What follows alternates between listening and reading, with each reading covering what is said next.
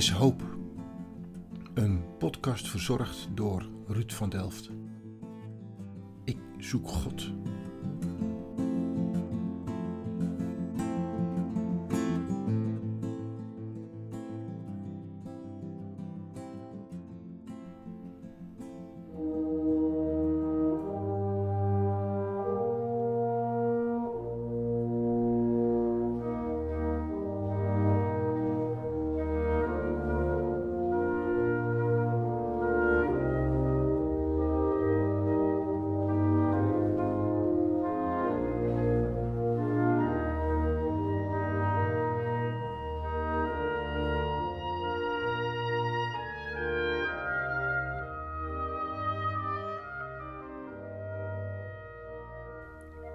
Mozart.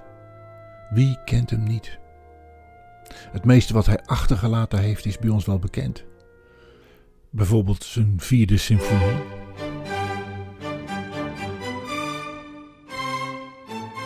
Zijn requiem.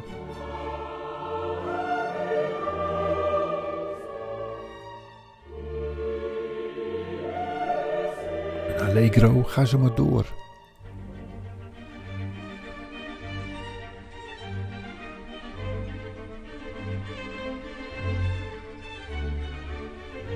Tja, zo'n talent willen we allemaal wel. Even een kraantje open en hop, daar komt weer een geweldig stuk muziek uit je mouw. Het talent van hem is wat dat betreft ongekend. Maar kennen we ook de aanloop naar wat hij heeft geleverd? Het is de obsessieve drang van zijn vader die hem zover gekregen heeft. Op zijn derde speelde hij al piano.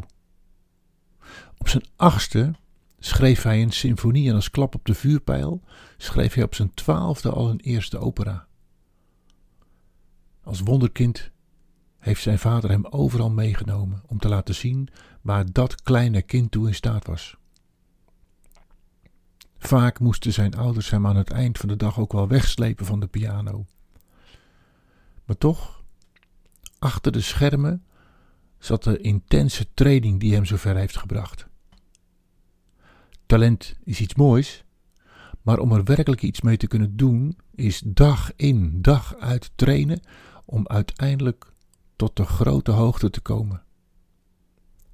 Vergelijk het een beetje met Epke Zonderland. Tot in de perfectie zijn die oefeningen uitgewerkt. Vanaf de tekentafel tot de vele keren dat de oefening mislukte. Het hoort er allemaal bij. En in het geval van Mozart kunnen wij dan ook van die muziek genieten.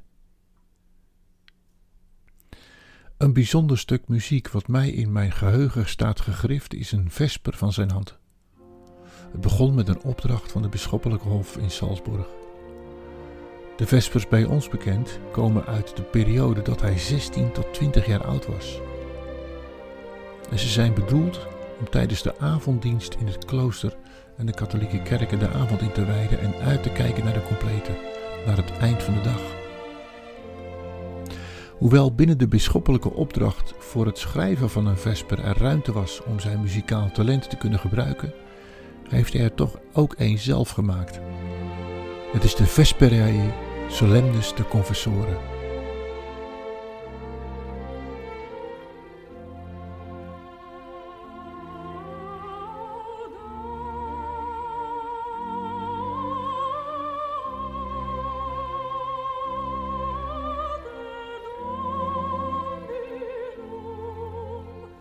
Bijzonder stuk muziek waarvan de soliste meer dan techniek wordt gevraagd. Ook van haar wordt het uiterste van haar talent gevraagd. In sommige stukken hoor je dat in een versnelde tremolo, het trillen van de stem.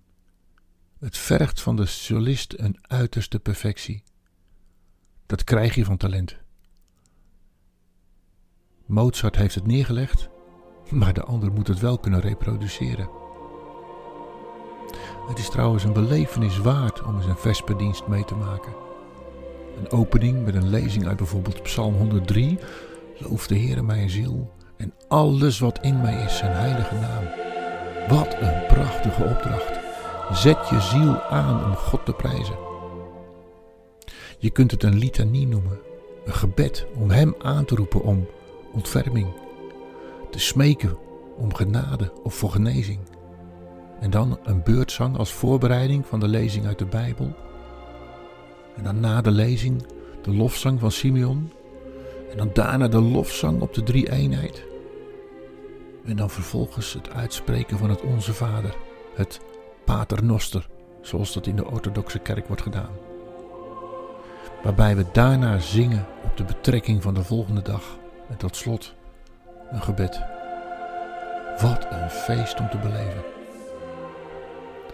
Zo'n talent willen we toch allemaal? In ieder geval kunnen wij genieten van het talent wat Mozart heeft ontvangen.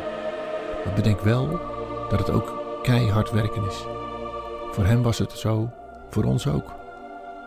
Het uitzonderlijke zit hem ook meteen in de worstelpartij en de zoektocht. Wij ook. Wij hebben ook een talent, meerdere misschien. Het is leuk om te gebruiken en meer ook goed om ermee aan de slag te gaan. Het is niet alleen voor jezelf, gezien de verantwoordelijkheid die je met het verkrijgen van een talent hebt. Want hoe groter het talent, hoe groter de verantwoordelijkheid.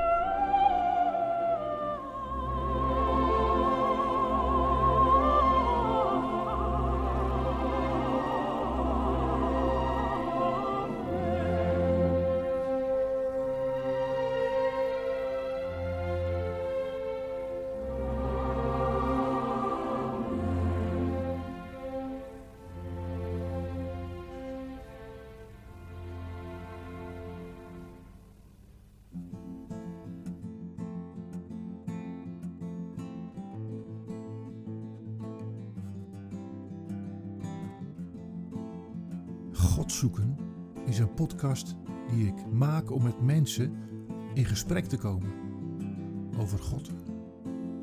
Het was Blaise Pascal die in zijn boek Pensées mij de keus voorlegde. Het kwam hierop neer: geloven in een God die niet bestaat, of niet geloven in een God die bestaat. En door met mensen te spreken wil ik mijn zoektocht kleur geven en hoop dat jij daar ook door geïnspireerd wordt. Vond je dit een mooie podcast? Laat het mij weten. Of geef een ranking. Misschien heb je een tip of weet je iemand die ik zou kunnen interviewen. Laat vooral een reactie achter. Of je kunt mij mailen. Ruud van